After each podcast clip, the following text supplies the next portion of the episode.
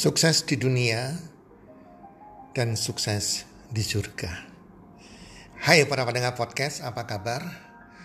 Di mana pun teman-teman berada saat ini, harapan dan doa kami semoga teman-teman selalu berbahagia bersama keluarga dalam dalam keadaan sehat walafiat selalu bersama keluarga. Dan pasti-pastinya rezeki Anda akan makin bertambah dari hari ke hari, bulan ke bulan, dan tentunya kesuksesan, keberuntungan menyertai Anda sepanjang tahun ini. Para pendengar podcast, sahabat podcast, ada yang bertanya kepada saya, demikian pertanyaannya, apa yang membuat seseorang itu bisa sukses dan memiliki kehidupan di atas rata-rata dan hari tua yang sejahtera dan berbahagia? Saya katakan bahwa cuma satu, yaitu memiliki tujuan hidup. Hanya orang yang memiliki tujuan hidup, maka dia akan menjadi orang yang sukses dan kehidupannya di atas rata-rata.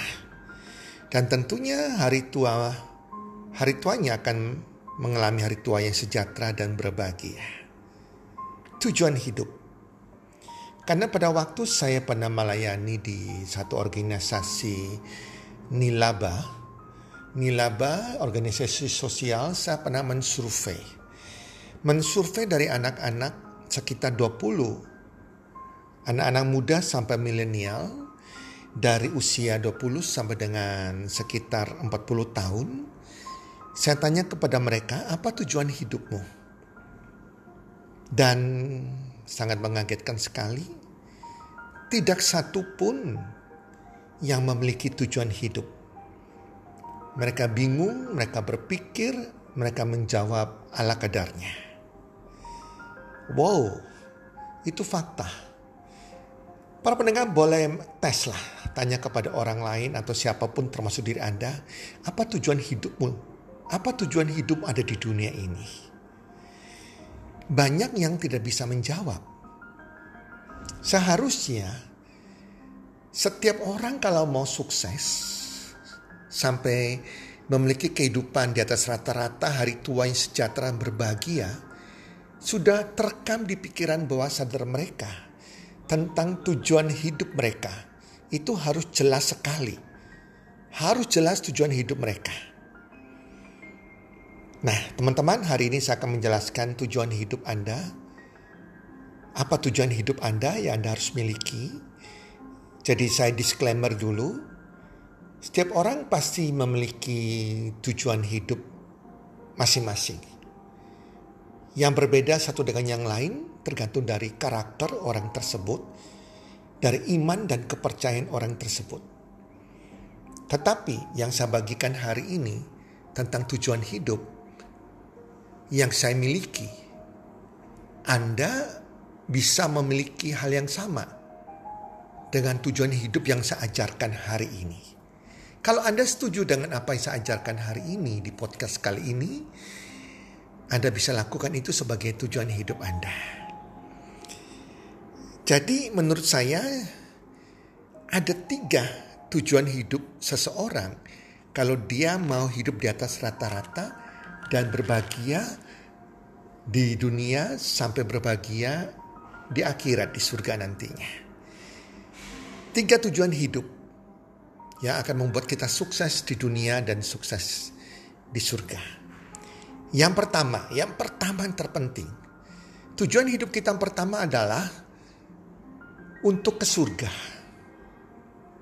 Untuk bisa ke surga.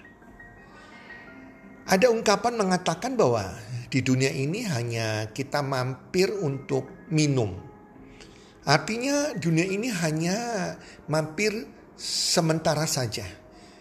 Karena kita punya tujuan yang utama. Tujuan tempat kita terakhir adalah bukan di dunia, tapi setelah adanya kematian, yaitu di surga. Dan tentunya kita nggak mau milih neraka teman-teman.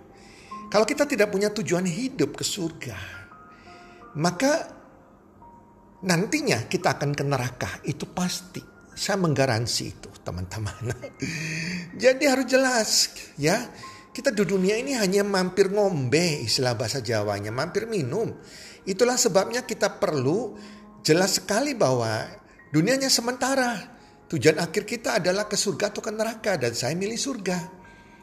Nah kita akan bisa ke surga kalau tujuan hidup kita yang pertama adalah untuk bisa ke surga. Kalau tujuan hidup kita ke surga maka apa pun yang kita kerjakan di dunia ini adalah hal-hal yang diridhoi oleh Tuhan yang Maha Esa. Hal-hal yang diinginkan Tuhan untuk kita lakukan, bukan hal-hal yang kita melakukan hal-hal yang bertentangan dengan yang Tuhan inginkan, yaitu perbuatan dosa, perbuatan-perbuatan yang tidak baik. Kita harus menjadi orang benar sesuai dengan firman Tuhan. Dalam agama apa pun yang Anda percayai, Anda harus menjadi orang benar. Dan Anda harus yakin bahwa itu yang bisa membuat Anda ke surga. Anda harus selalu berjalan di jalan yang benar, tidak mudah terpengaruh dengan godaan dosa, tidak terpengaruh dengan kumpulan Anda yang mengajak Anda berbuat dosa, korupsi atau apa pun itu. Bahkan Anda harus menjadi terang di situ. Dan Anda harus punya keintiman keintiman dengan Tuhan yang Maha Esa sehingga Tuhan mengenal Anda. Keintiman seperti apa? Anda punya jam doa pribadi, ingat waktu sembahyang Anda, ingat jam-jam doa pribadi entah Anda mau tidur ataupun bangun pagi, hubungan Anda dengan Tuhan, bercakap-cakap dengan Tuhan lewat doa Anda, baca kitab suci Anda, perenungan diri Anda dengan Tuhan. Dan setiap hari sebelum Anda tidur cek. Cek perbuatan Anda, cek perbuatan kita. Apakah perbuatan kita hari ini sudah berkenan, sudah menyenangkan hati Tuhan atau malah sebaliknya. Kita membuat dosa dan sudah melenceng dari dari jalan rencana Tuhan.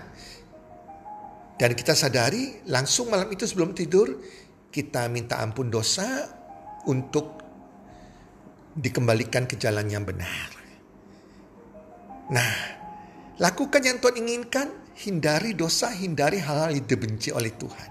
Anda harus tahu apa yang Tuhan inginkan Anda lakukan. Itu semua ada dalam kitab suci. Teman-teman, itu hal pertama. Kalau Anda ingin benar-benar punya tujuan ke surga. Karena di dunia ini kita hanya mampir ngombe istilahnya, hanya mampir minum. Yang kedua, tujuan hidup yang kedua adalah untuk menjadi kaya dan sejahtera di dunia. Karena kita masih tinggal di dunia teman-teman. Kita belum ke surga. Sehingga kita harus menikmati yang namanya surga di dunia ini. Jangan kita hidup menderita di dunia ini. Jangan membawa orang yang kita cintai, pasangan kita, keluarga inti kita, anak-anak kita, bahkan orang tua kita ke dalam penderitaan. Kita membuat mereka bahagia dan untuk bisa bahagia di surga dan bahagia di dunia, khususnya bahagia di dunia ini, maka intinya Anda harus punya keuangan yang pasti. Anda harus sehat keuangan, harus bebas keuangan. Anda harus kaya. Yang dikatakan kaya adalah penghasilan Anda, aktif income Anda itu lebih besar dari pengeluaran Anda setiap bulan. Sedangkan kalau sejahtera berarti kita bicara tentang pasif income. Pasif income Anda lebih besar daripada pengeluaran Anda setiap bulan. Ini yang harus kita miliki.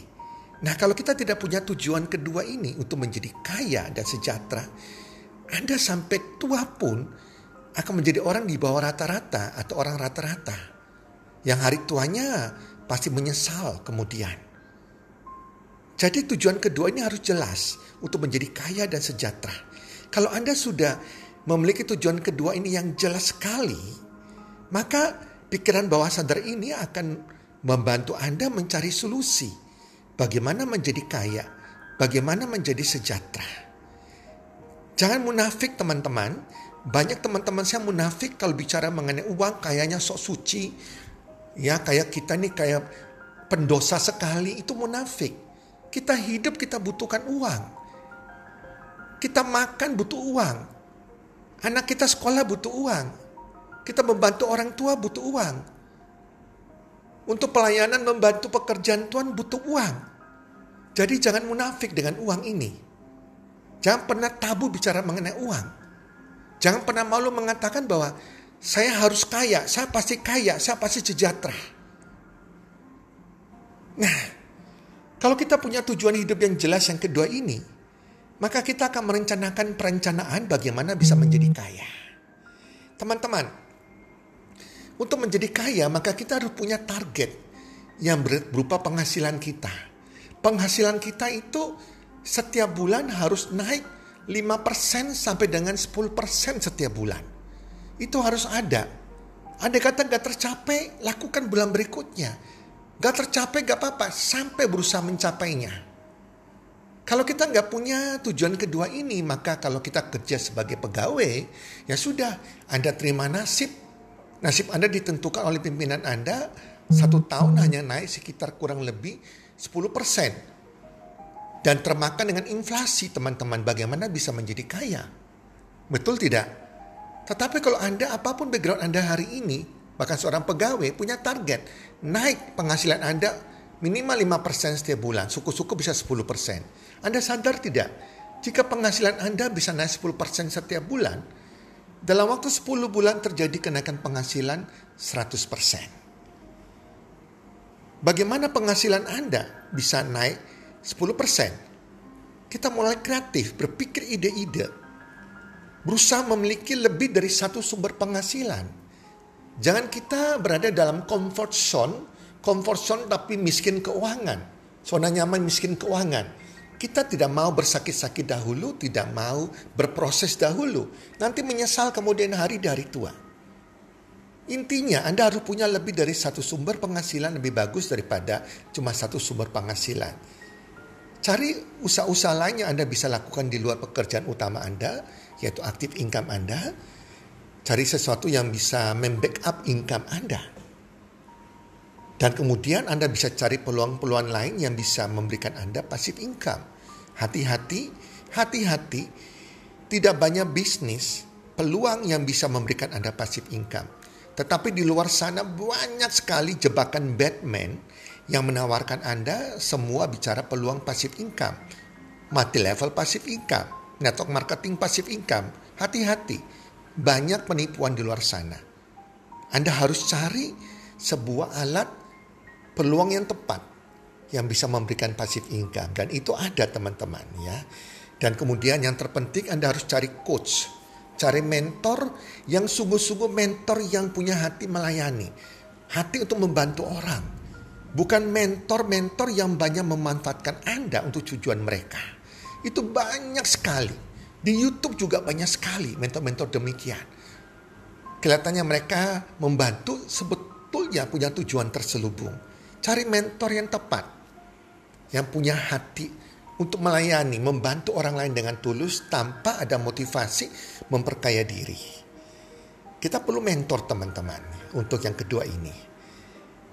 Tujuan yang ketiga adalah untuk mengumpulkan harta di surga. Karena yang kedua adalah harta di bumi. Kita bahagia di bumi.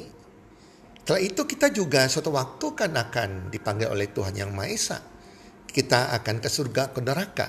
Dan pastinya kalau ada, ada punya tujuan yang pertama, ada akan ke surga. Dan di surga ya kita harus punya harta di surga.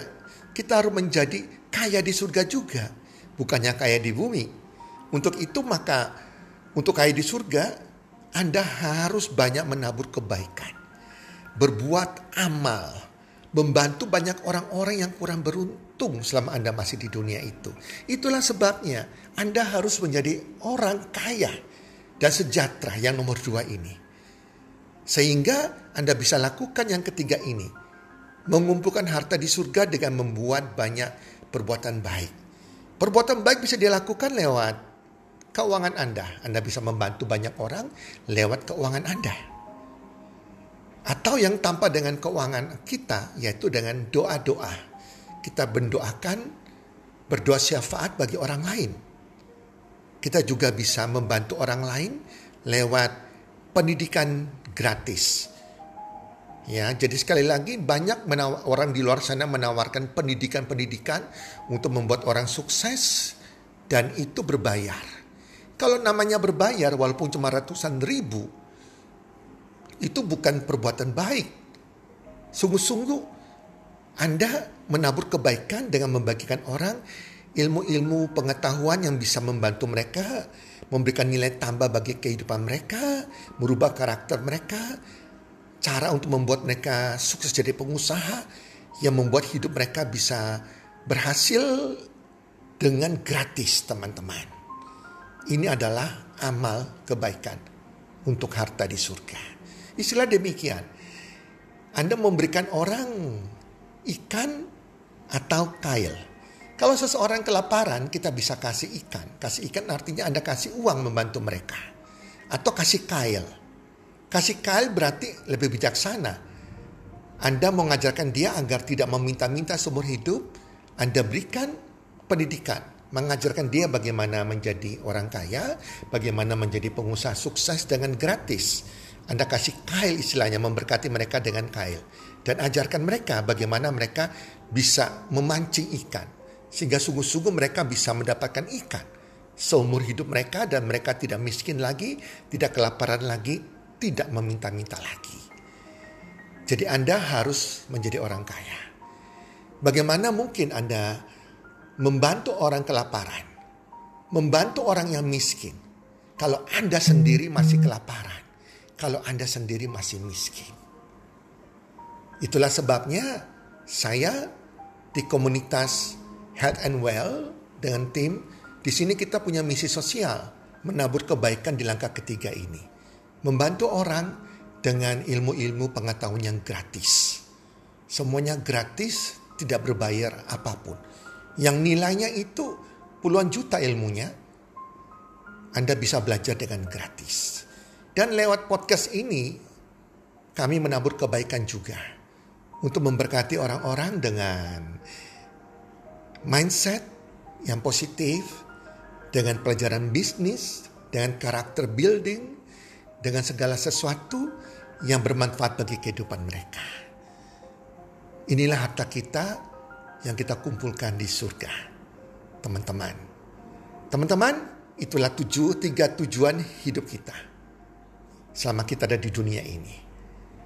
Semoga tiga tujuan hidup ini yang menurut saya setiap orang mestinya sama. Kalau mereka setuju dengan saya katakan ini. Karena menurut saya ini yang terbaik tujuan hidup terbaik. Dan Anda bisa lakukan tiga tujuan hidup tersebut kalau Anda setuju dengan apa yang saya bagikan dalam podcast ini dan jadikan itu sebagai tujuan hidup Anda. Dan tertanam, sungguh-sungguh tertanam di pikiran bawah sadar Anda. Sehingga sungguh-sungguh hidup Anda bisa sukses, kaya, sejahtera, berbahagia di dunia, dan juga kaya berbahagia di surga. Semoga bermanfaat dan salam sukses. One, two, three.